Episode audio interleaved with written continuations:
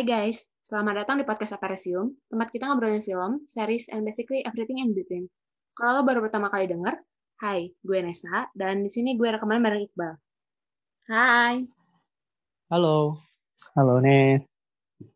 selamat Hari Film Nasional.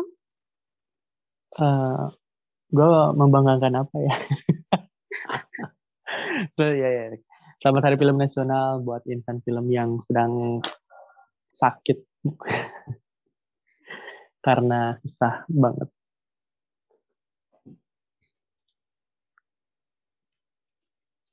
Lu tahu nggak eh, film hari Hari Film Nasional ini sebenarnya yang bikin kenapa ha- 30 Maret dipilih sebagai Hari Film Nasional itu alasannya apa? Lu tahu nggak? Enggak tuh, kenapa? Oh, lu nggak nyari tahu. Ismail Marzuki bukan sih? Eh, Taufik Usma, Ismail. Usma. Apa jadi Ismail ya. Ba- Basbet? Enggak, Ismail Basbet bukannya sutradara nanti eh, itu ya keluarga Cemara juga. Jadi eh 30 Maret ini dijadiin Hari Film Nasional karena bertepatan sama salah eh, bukan salah satu sih film pertama Indonesia yang diproduksi oleh negeri sendiri gitu. Dari oleh orang lokal yaitu Usmar Ismail, terus produksinya juga dari Indonesia sendiri. Itu film bisa dibilang film Indonesia pertama deh. Itu tuh filmnya judulnya Darah dan Doa yang sutradaranya Isma, eh, Usmar Ismail. Tuh kan, ada Ismail Ismailnya kan? Gak, gak salah sih. Itu rilisnya 30 Maret. Kemarin sempat 19 baca, kemarin sempat baca ada yang bikin tweet tapi lupa sih. Pokoknya yang gue yang gue inget tuh ada Ismailnya. tapi lu lupa ya. Nah, it- itu tuh sebenarnya eh enggak sih, maksudnya enggak ditetapin ya sampai tahun 1999 Presiden Indonesia saat itu yaitu Bapak Habibie bikin keputusan presiden nomor 25 kalau tanggal setiap tanggal 30 Maret itu ditetapkan sebagai Hari Film Nasional. Nah, tahun ini itu udah masuk ke tahun Hari Film Nasional ke-71.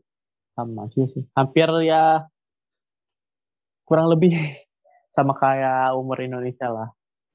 Indonesia kan 45, mungkin kalau film itu 1950 gitu. Itu sih yang gua cari tahu tadi sedikit.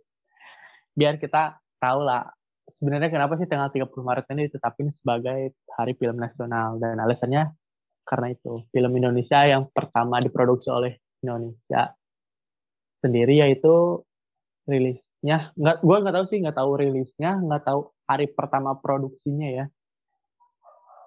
Soalnya sumber yang gue baca nggak terlalu ngejomplangin penjelasannya. Gitu sih. Jadi kita mau ngomongin apa nih? Eh, spesial hari film nasional ini?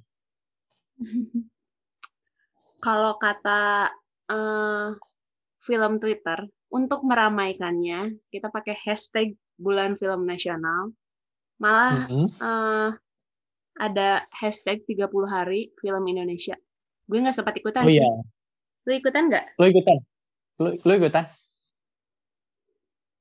Oh iya, gue nggak gue nggak pernah lihat postingan lu sih. nggak gue nanya lo ikutan nggak Oh, enggak. Enggak, gue juga enggak. Kalau gue masih minder sih kalau ngomongin film Indonesia, soalnya eh, pengenalan gue soal film Indonesia itu masih cetel banget. Kalau lihat tren orang ya yang ngikutin hashtag itu kan kebanyakan mereka nyantumin film-film lama. Gue kan nggak tahu sama sekali film-film lama gitu sih. Iya. Susah juga gitu agak minder. kan.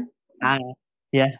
Sebenarnya bukan nggak susah sih, mungkin kita yang nggak mau nyari tahu ya. Sebenarnya ada aja jalannya. Cuman nggak masih males gitu. Tapi Masih emang minder yang biasanya eh, update kayak eh, akun Cinema Cinemager, terus Cinemania, apa sih itu? Itu terus Mhm. Mas J, J Holic. Itu kayaknya Mhm. emang yang sudah berumur lah.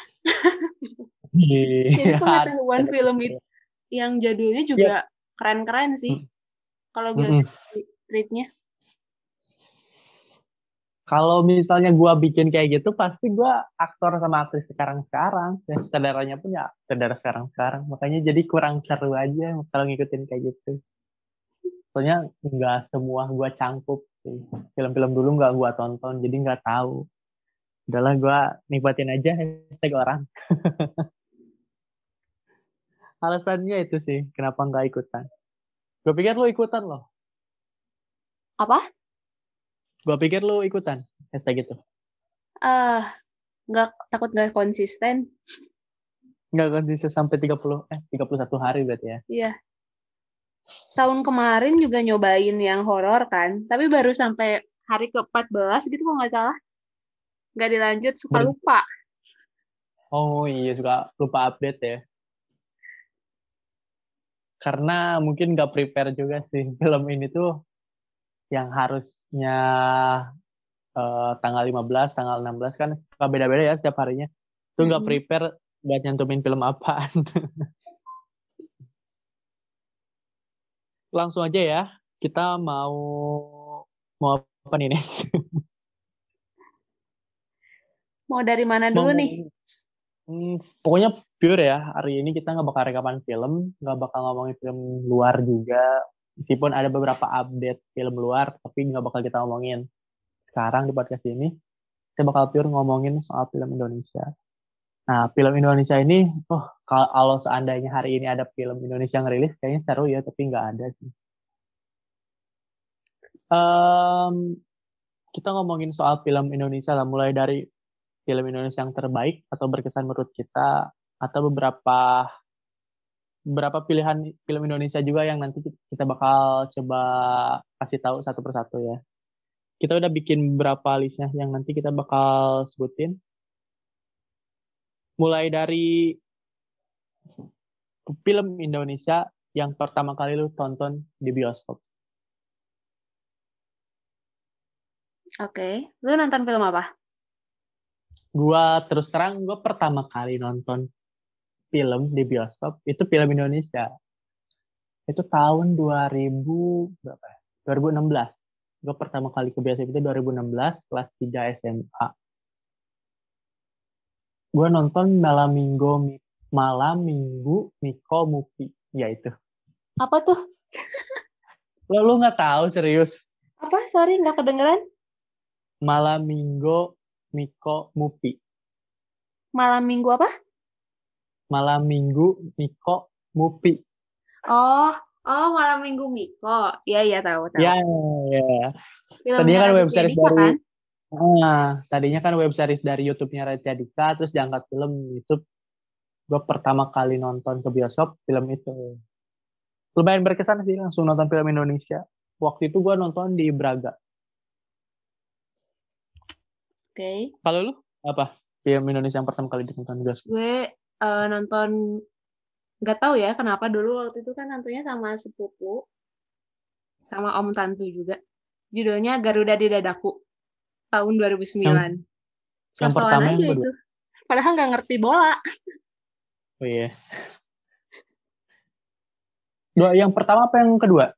Yang pertama, gue lihat itunya Hmm. aja ada Emir Mahira. Oh, nggak tahu Emir Merah.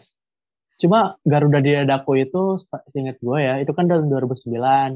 Tahun 2010 itu kan ada turnamen bola, itu kan se Asia Tenggara.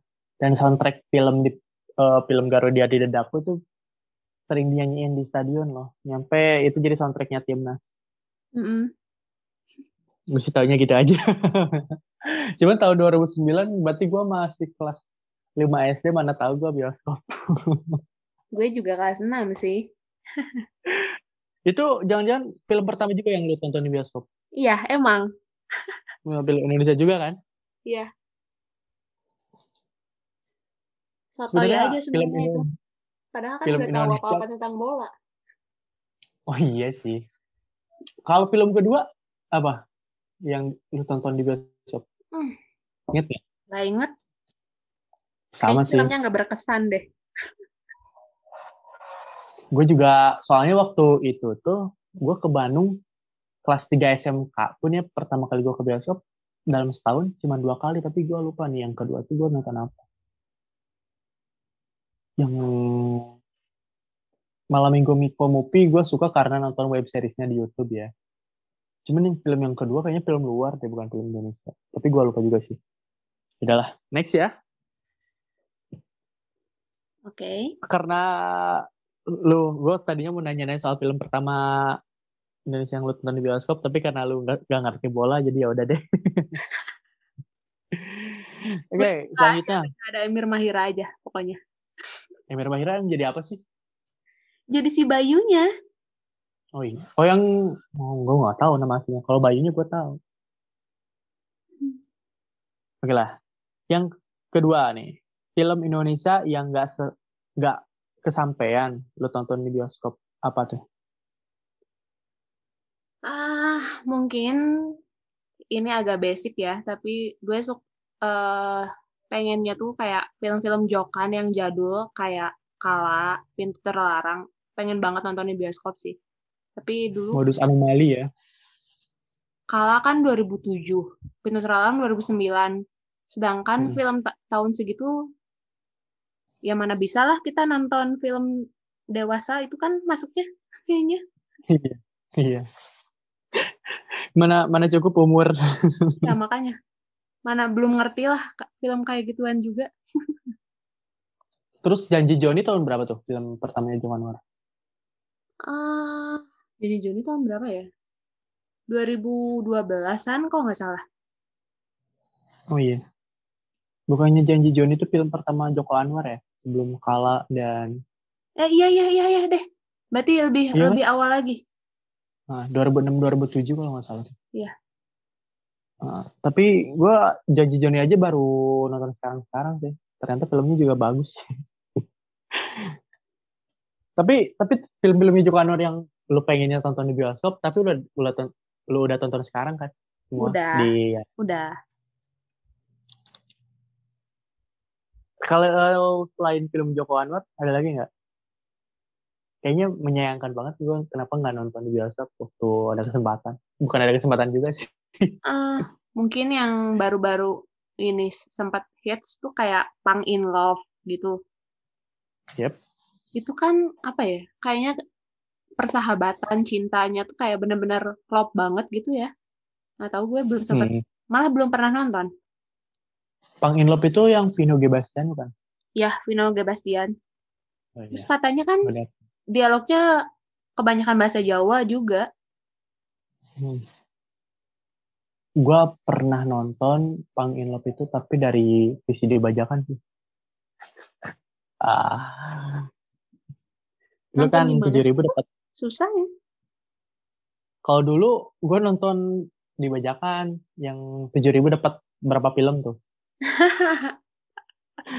Zaman zamannya ya anak sekolah ya.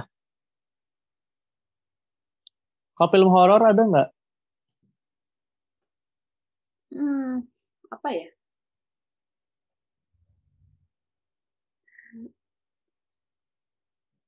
Rumah Darah mungkin ya? Hmm. Penasaran sesadis apa? Cuman Dan kalau kayaknya bakal wah banget gitu kalau nonton di bioskop. Cuma ya kalau film Indonesia dulu itu kan resolusinya masih rendah ya. Maksudnya kalaupun ditayangin di bioskop juga nggak bakal ke itu juga sih. Tapi ya mungkin adrenalin nontonnya aja yang beda. Maksudnya kalau dibandingin itu kalau sama film-film Indonesia sekarang, meskipun filmnya jelek kan, mereka udah pakai teknologi yang kekinian lah. Hmm. Resolusi gambarnya udah lebih bagus kan dibanding sama film-film dulu. Cuman kalau film Indonesia dulu itu kebanyakan emang mereka ngejualnya jalan cerita ya, kan maksudnya nggak nggak kepikiran lah buat bagus dulu resolusi gambar karena mungkin dulu terbatas banget sumber dayanya. Kalau gue nih, gue film yang nggak sempat ditonton di bioskop, cuman gue udah tonton ya sekarang. Itu gue nulis cuma dua loh. Apa? Yang pertama lu kayaknya tahu deh. Coba Apa? tebak dong. Tenggelamnya kapal Van der Iya, ya apalagi lah. Itu pertama, yang kedua tuh gue pengen nonton versi bioskopnya Keramat. Keramat. Oh iya. Iya. Kalau tenggelamnya kayak Operation gitu. Hmm, kalau Keramat kayaknya apalagi bioskopnya sepi ya. Itu bikin nggak bisa pulang sendiri kayaknya. Harus dijemput. kalau ke tenggelamnya kapal Pandrit kan kelihatan banget filmnya itu megah ya. Apalagi ada unsur teatrikal di filmnya. Kalau nonton di laptop, HP atau komputer, PC, itu kayak kita nonton film biasa aja, nggak kerasa unsur teatrikalnya. Kalau di bioskop kan nuansanya membangun buat kita seolah-olah nonton teatrikal gitu. Kayaknya sayang aja gue cuma bisa nonton lewat HP sih waktu kemarin karena nontonnya kan di video.com. Kayaknya Nah kalau keramat, kenapa? kayaknya dulu tuh sempat ramai juga deh filmnya di bioskopnya. Itu 2013 ya, gue nggak nggak tahu makanya. Soalnya kan gue mulai ke bioskop 2016, jadi nggak tahu 2013. Dulu nggak ada di Purwakarta nggak ada bioskop ya? ya maaf, mohon maaf, kita baru berapa tahun ya? Tahun setengah mungkin baru ada bioskop di sini. Oh pantes. Ya pantas. Kalau keramat, ya lu tahu sendiri ya, horornya lebih enak kayaknya kalau ditonton langsung, apalagi sendiri. Cuman bikin bikin pulang nggak pengen sendiri itu aja sih. Scene pocongnya gimana tuh?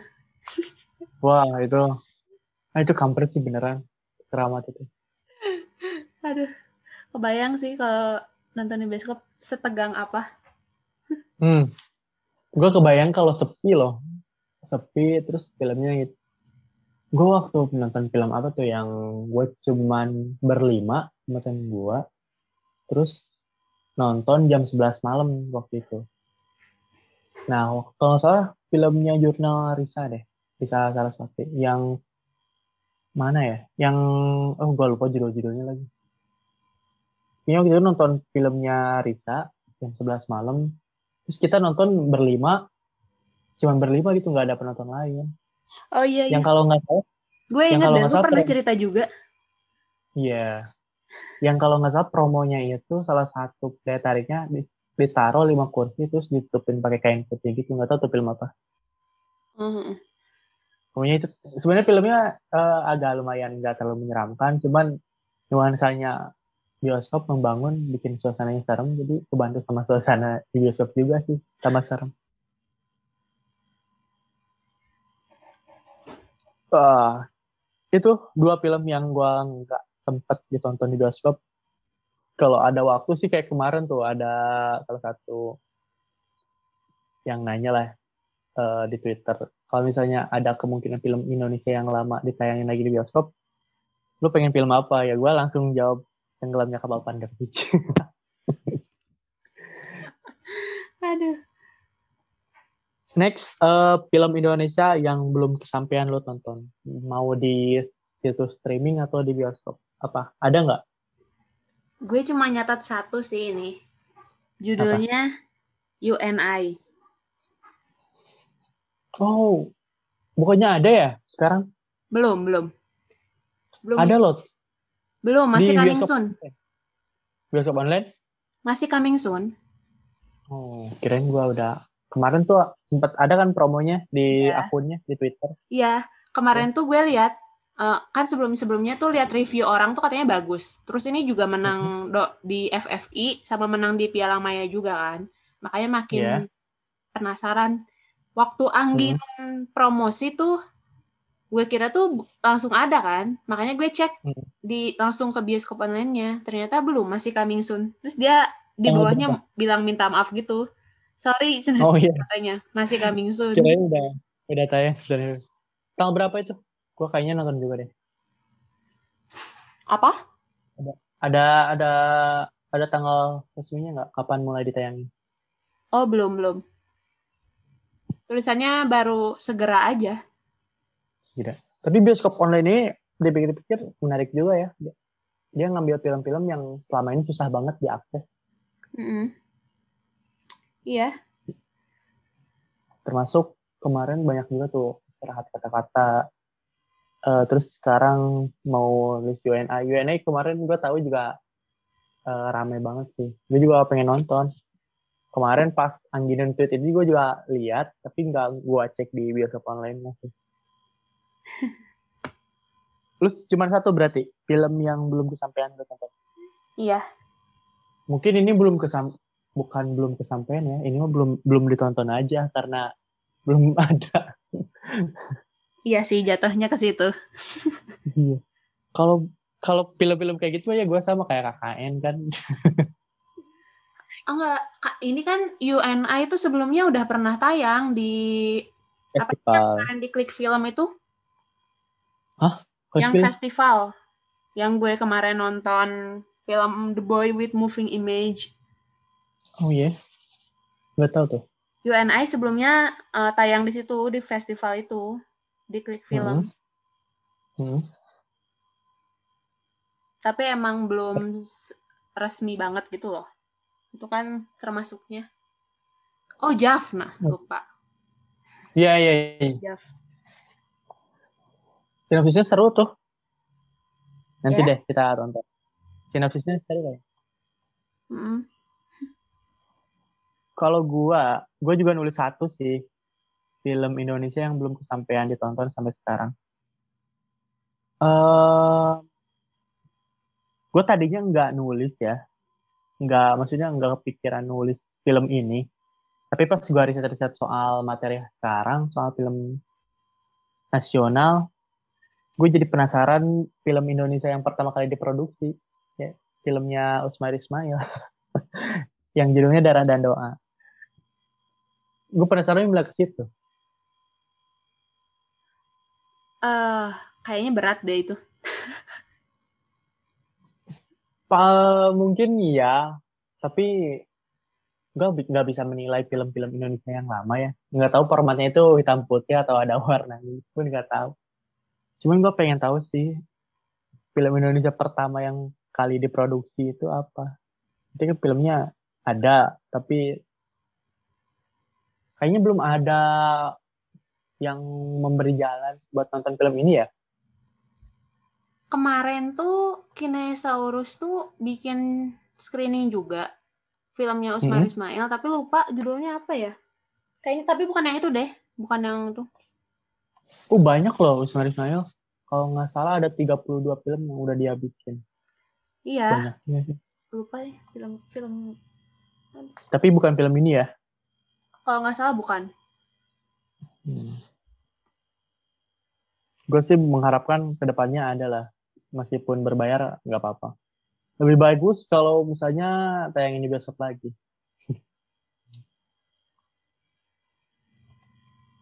uh, Oke okay, itu ya film nasional yang belum kesampaian ditonton sampai sekarang. Mungkin nunggu waktu aja lah sampai sampean buat ditonton. Lanjut ke film yang paling berkesan. Kita pilih masing-masing tiga film ya. Film berkesan ini maksudnya film terbaik nggak? Kalau buat gue ya, list gue. Kalau gue ada yang enggak, karena ini yang bener-bener ngasih kesan. Tapi ada yang terbaik juga sih. Lu dulu, apa tiga film berkesan menurut lu?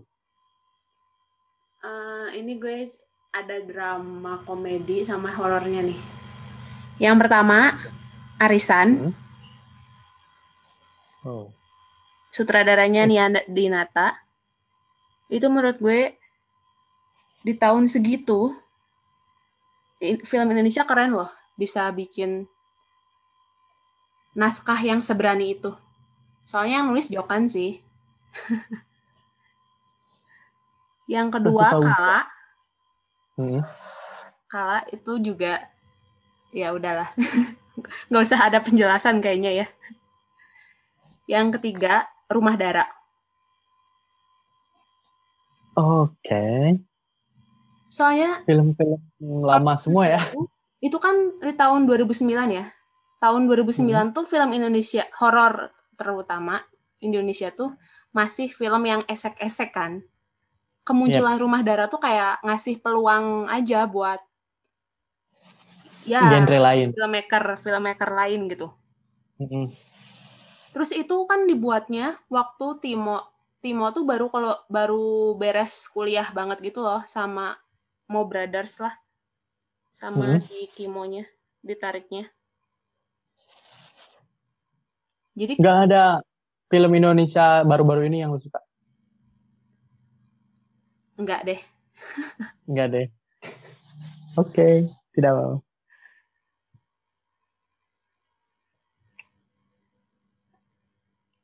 Oke, punya Gua tiga film. Gue sebenarnya nulis dua. Satu lagi gue kak. Ini gue kasih tahu dua dulu aja ya. Film yang berkesan. Pertama itu masih filmnya Raditya Dika. Judulnya ini The Guys. Lo familiar nggak sama judulnya? Sorry apa? The Guys.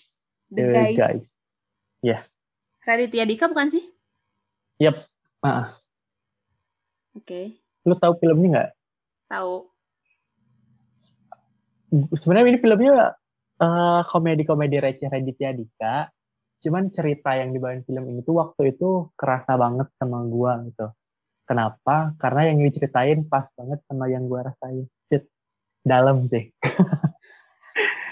gua ini nulisnya film berkesan, bukan terbaik. Soalnya kalau misalnya terbaik ini enggak. Soalnya komedinya juga receh-receh juga. Cuman gue suka ceritanya.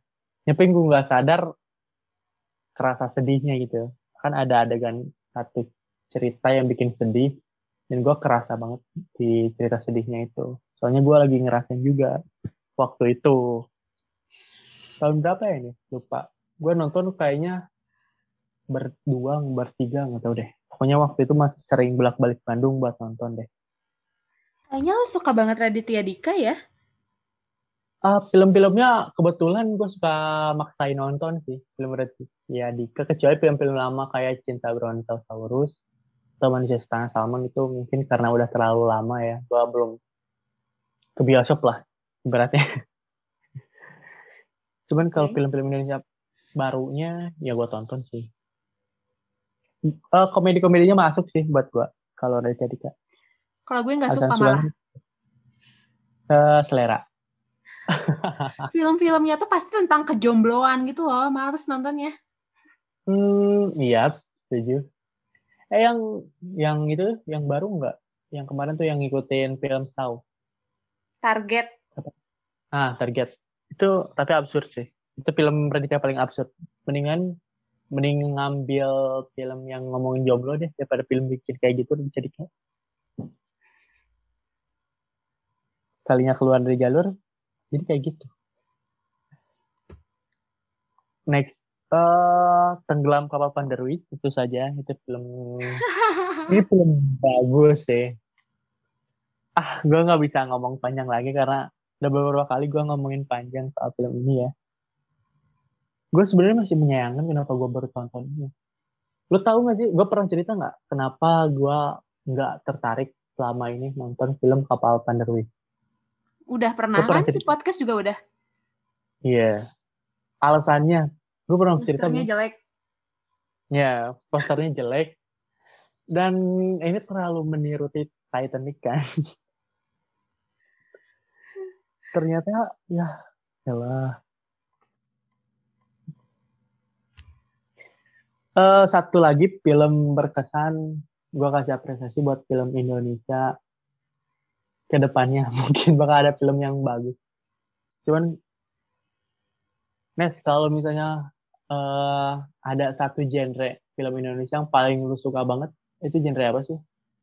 Kalau kalau apa ya bisa dibilang kalau genre ini dibikin di film Indonesia pasti bagus.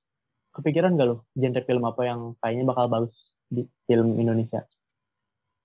Eh, eh, kalau buat sekarang-sekarang apa ya? Horor juga udah mulai bagus sih. Tergantung Nah, sutradaranya sebenarnya. Oke, gue baru mau menyela soal horor. Drama sih tapi pasti kayaknya yang menguras air mata tuh hampir kayaknya bagus-bagus deh. Yang baru-baru Hmm. sekarang. Yep. ah, kalau gua ya, terus terang filmmaker Indonesia biasanya bagus bikin cerita, meskipun siapa pun yang bikin kalau udah menyangkut soal drama keluarga Mm-mm. uh, mungkin mereka ngambil dari beberapa cerita ya karena di Indonesia itu kayaknya orang-orang yang dalam kutip broken home gampang banget sih ditemuin atau ceritanya buat dibikin sebuah film itu pasti kena. Dan beberapa mungkin ada yang relate banget. Film-film Indonesia yang ngangkat drama pemilih ini belakangan kan ada banyak yang kayak judul yang ter tergantikan terus NKTHCI keluarga Cemara. Pasti dapat penilaiannya bagus-bagus Karena emang bagus aja filmnya itu. iya dan nggak ngelihat siapa sutradaranya siapa penulisnya karena emang bener-bener dilihat filmnya bagus gitu. Dua garis biru pun bagus. Wah, itu sih jelas. ya itu kan soal ngomongin keluarga juga ya yang memberatkan keluarga. Kalau Mariposa kan itu udah beda jalur itu lebih ke romen Enggak, kalau dua garis biru tuh, meskipun itu debut ya, Gina, Hmm. Gina tuh kan debut, tapi dia nulisnya udah lama, ya dia kalau jadi penulisnya gue tahu makanya kayaknya dia udah udah makan asam Hafal. garam lah di dunia. ya caranya udah tahu debut sutradara tapi buat debut penulisan dia udah lama ya gue mengharapkan eh, film Indonesia ini genrenya ke depan semakin unik lah dan yang terpenting itu semakin didukung oleh pemerintah sih. Iya. Amin.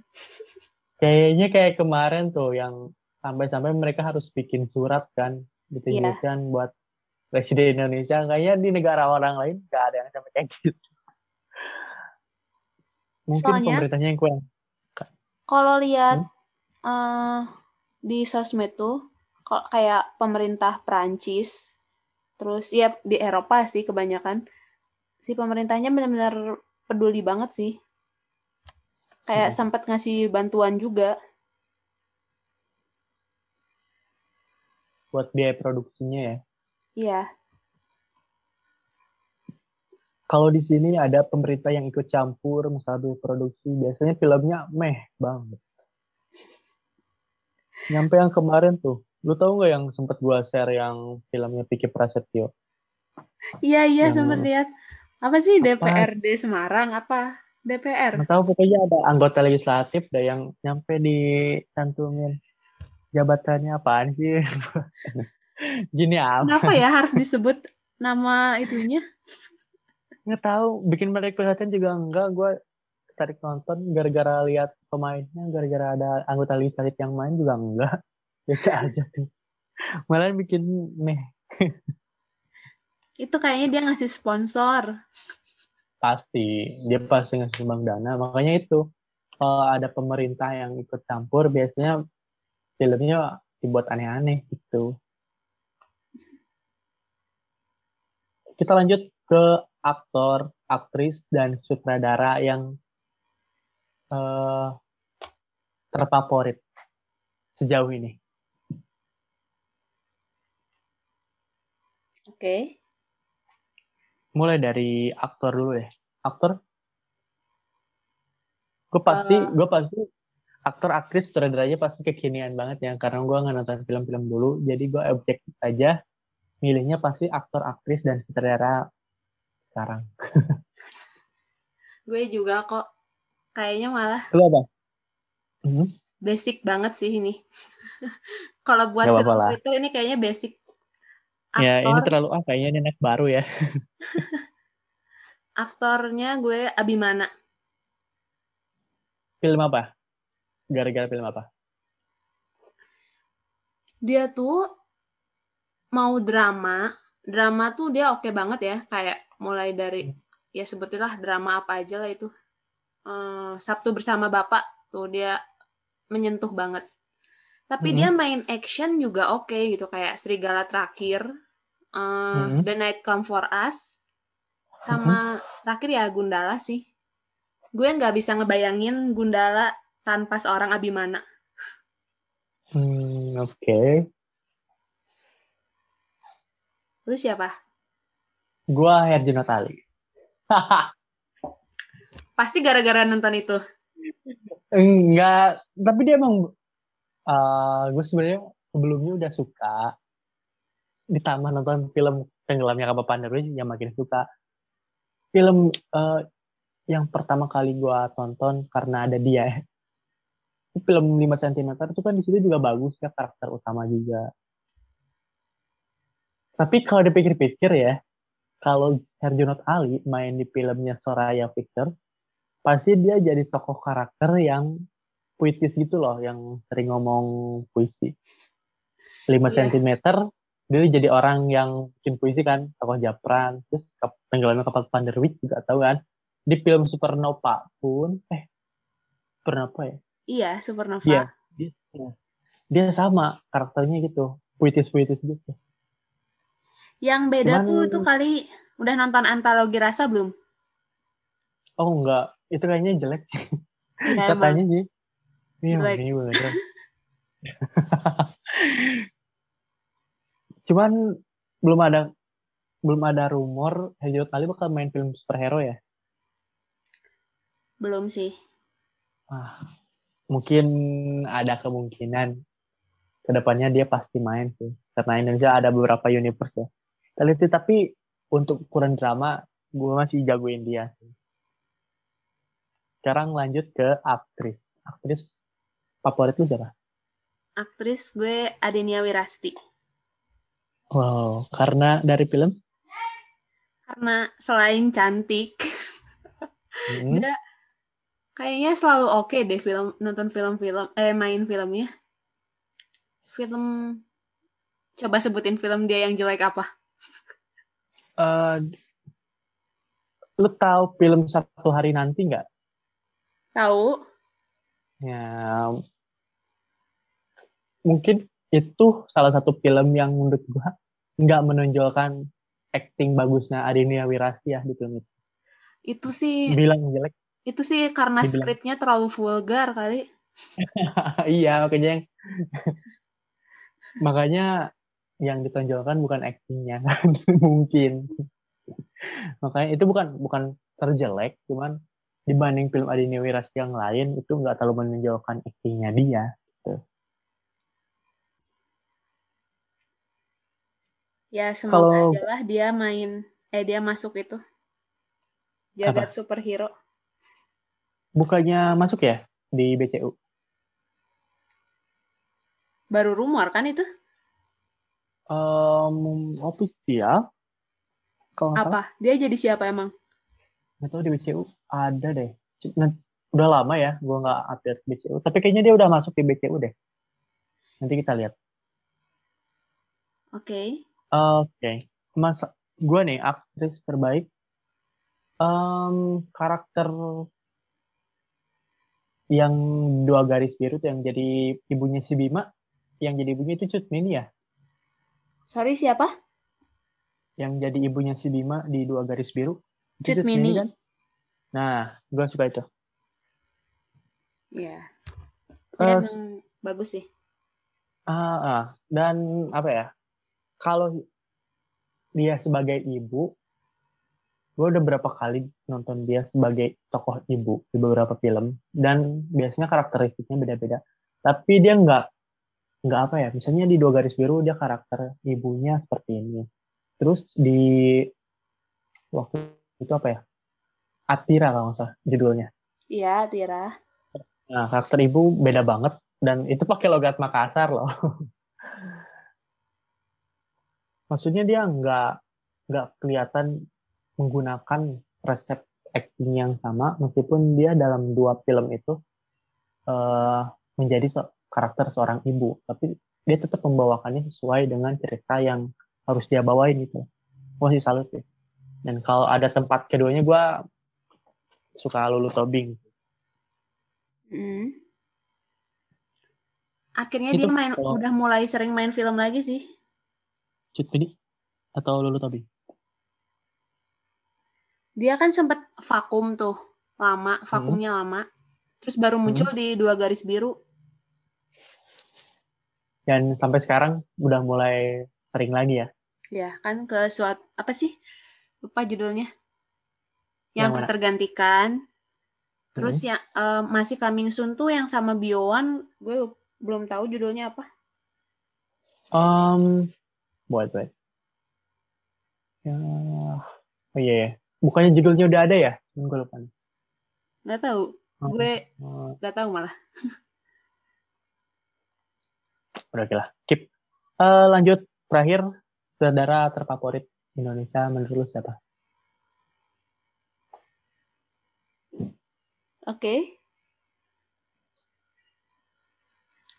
Siapa? Mungkin Sutradara sorry ini ini kayaknya gue basic banget sih soalnya waktu waktu meet up sama forum film Bandung kan perta- eh, ditanyain juga kan siapa sutradara favoritnya terus gue jawab Joko Anwar Hmm. Tidak apa-apa. sampai sekarang jadi bahan obrolan dong Di mana? di FFB Oh, soalnya pilihannya tuh basic banget gitu loh dibanding yang lain. soalnya kalau anak-anak FFB tuh kayaknya sukanya yang hmm gimana ya ya yang berat atau indie-indie gitu lah sedangkan kan kalau Jokan tuh film-filmnya kebanyakan komersil ya jadi Mm-mm. eh, penonton awam juga kayaknya tahu sih banyak tahu tentang Jokan gitu jadi waktu gue jawab Jokan tuh pada ya ketawa kayaknya Ini apaan sih? Ini pilihannya paling karena filmnya hype-nya gede aja. emang Hampir semua ada nggak film Joko Anwar yang lu kurang suka? ah nggak sih gue suka semuanya Oke. Kalau gua, gua suka Angga Dwi Mas Sasongko. oke Gua ubek library-librarinya ya soal eh, film apa aja yang udah dia produksi dan udah dia bikin. Terus Surat dari Praha gua tonton, terus Beta Maluku gua tonton. Em, NKTCI juga udah pasti lah ya. Maksudnya dia pa- salah satu filmmaker yang menguatkan film dengan dialognya gitu loh. Mm-mm. Di fi- film NKCI itu kita tahu lah pas adegan ruang tamu pas mereka ngobrol bagaimana sebuah keluarga eh, kalau misalnya kena problem masalah penyelesaiannya tuh nggak bisa sendiri kan harus itu dan cara mereka saling berdialognya tuh menurut gua masuk sih. Lu udah nonton surat dari Praha belum? Udah. Inget nggak ceritanya kayak gimana? Enggak. Nontonnya udah lama banget. Nah, itu sebenarnya plotnya simple ya. Orang yang eh, nunggu warisan dari orang tuanya, tapi orang tuanya minta syarat kan. Syaratnya itu harus dia harus nganterin salah eh, sebuah selembar surat ke mantannya di Praha. Sebenarnya simple banget, tapi durasinya bisa panjang dan kita yang nontonnya enggak jenuh. Itu gue salutnya di situ dan gue masih nungguin film-filmnya Angga tunggu ke depan sih. Tapi nih, gue punya pertanyaan lain ya di luar tema sekarang. Kita nggak ngomongin aktor aktris saudaranya. PH di Indonesia itu kan banyak banget ya production house. Ada nggak PH tertentu yang lu suka banget kalau misalnya filmnya keluar dari PH itu pasti lu tonton? Ah, mungkin Visinema Oh iya. Nah, selain di sinema deh. aduh susah Gue pis sinema juga. Gue juga pis sinema sih. Cuman PH yang lain kan banyak. Cuman ada satu PH tapi dia PH ini belum ngeluarin film sih baru tahun sekarang pertama kali mau ngeluarin film. Itu IDN Pictures yang itunya tadinya dia beli dari demi istri production ya yang itunya kalau nggak salah Fajar Nugros deh cuman tahun ini baru keluar film pertamanya yaitu Balada Siroy kan cuman itu memungkinkan buat ada di jalur marketing yang sama sama Cinema gitu maksudnya target-target filmnya pasti kurang lebih sama kayak Cinema mungkin ya tapi itu cuman sekalian gue aja itu kalau nggak salah bukan PH baru deh. Jadi kayak PH lama tapi ganti nama gitu. Tapi lupa namanya apaan. Iya, tadinya kan demi istri production. Oh iya iya, betul. Nah, cuman rebranding lah. Uh, hak cipta namanya dibeli sama Hidden Pictures gitu.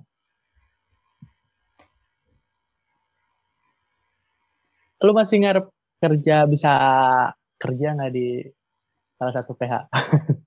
Apa? Sorry, nggak kedengeran? Lu masih mengharapkan nggak bisa ada kemungkinan kerja di uh, salah satu PH di Indonesia? Ah, wow, pertanyaan yang sangat, aduh. Enggak, ini pertanyaan impian kan?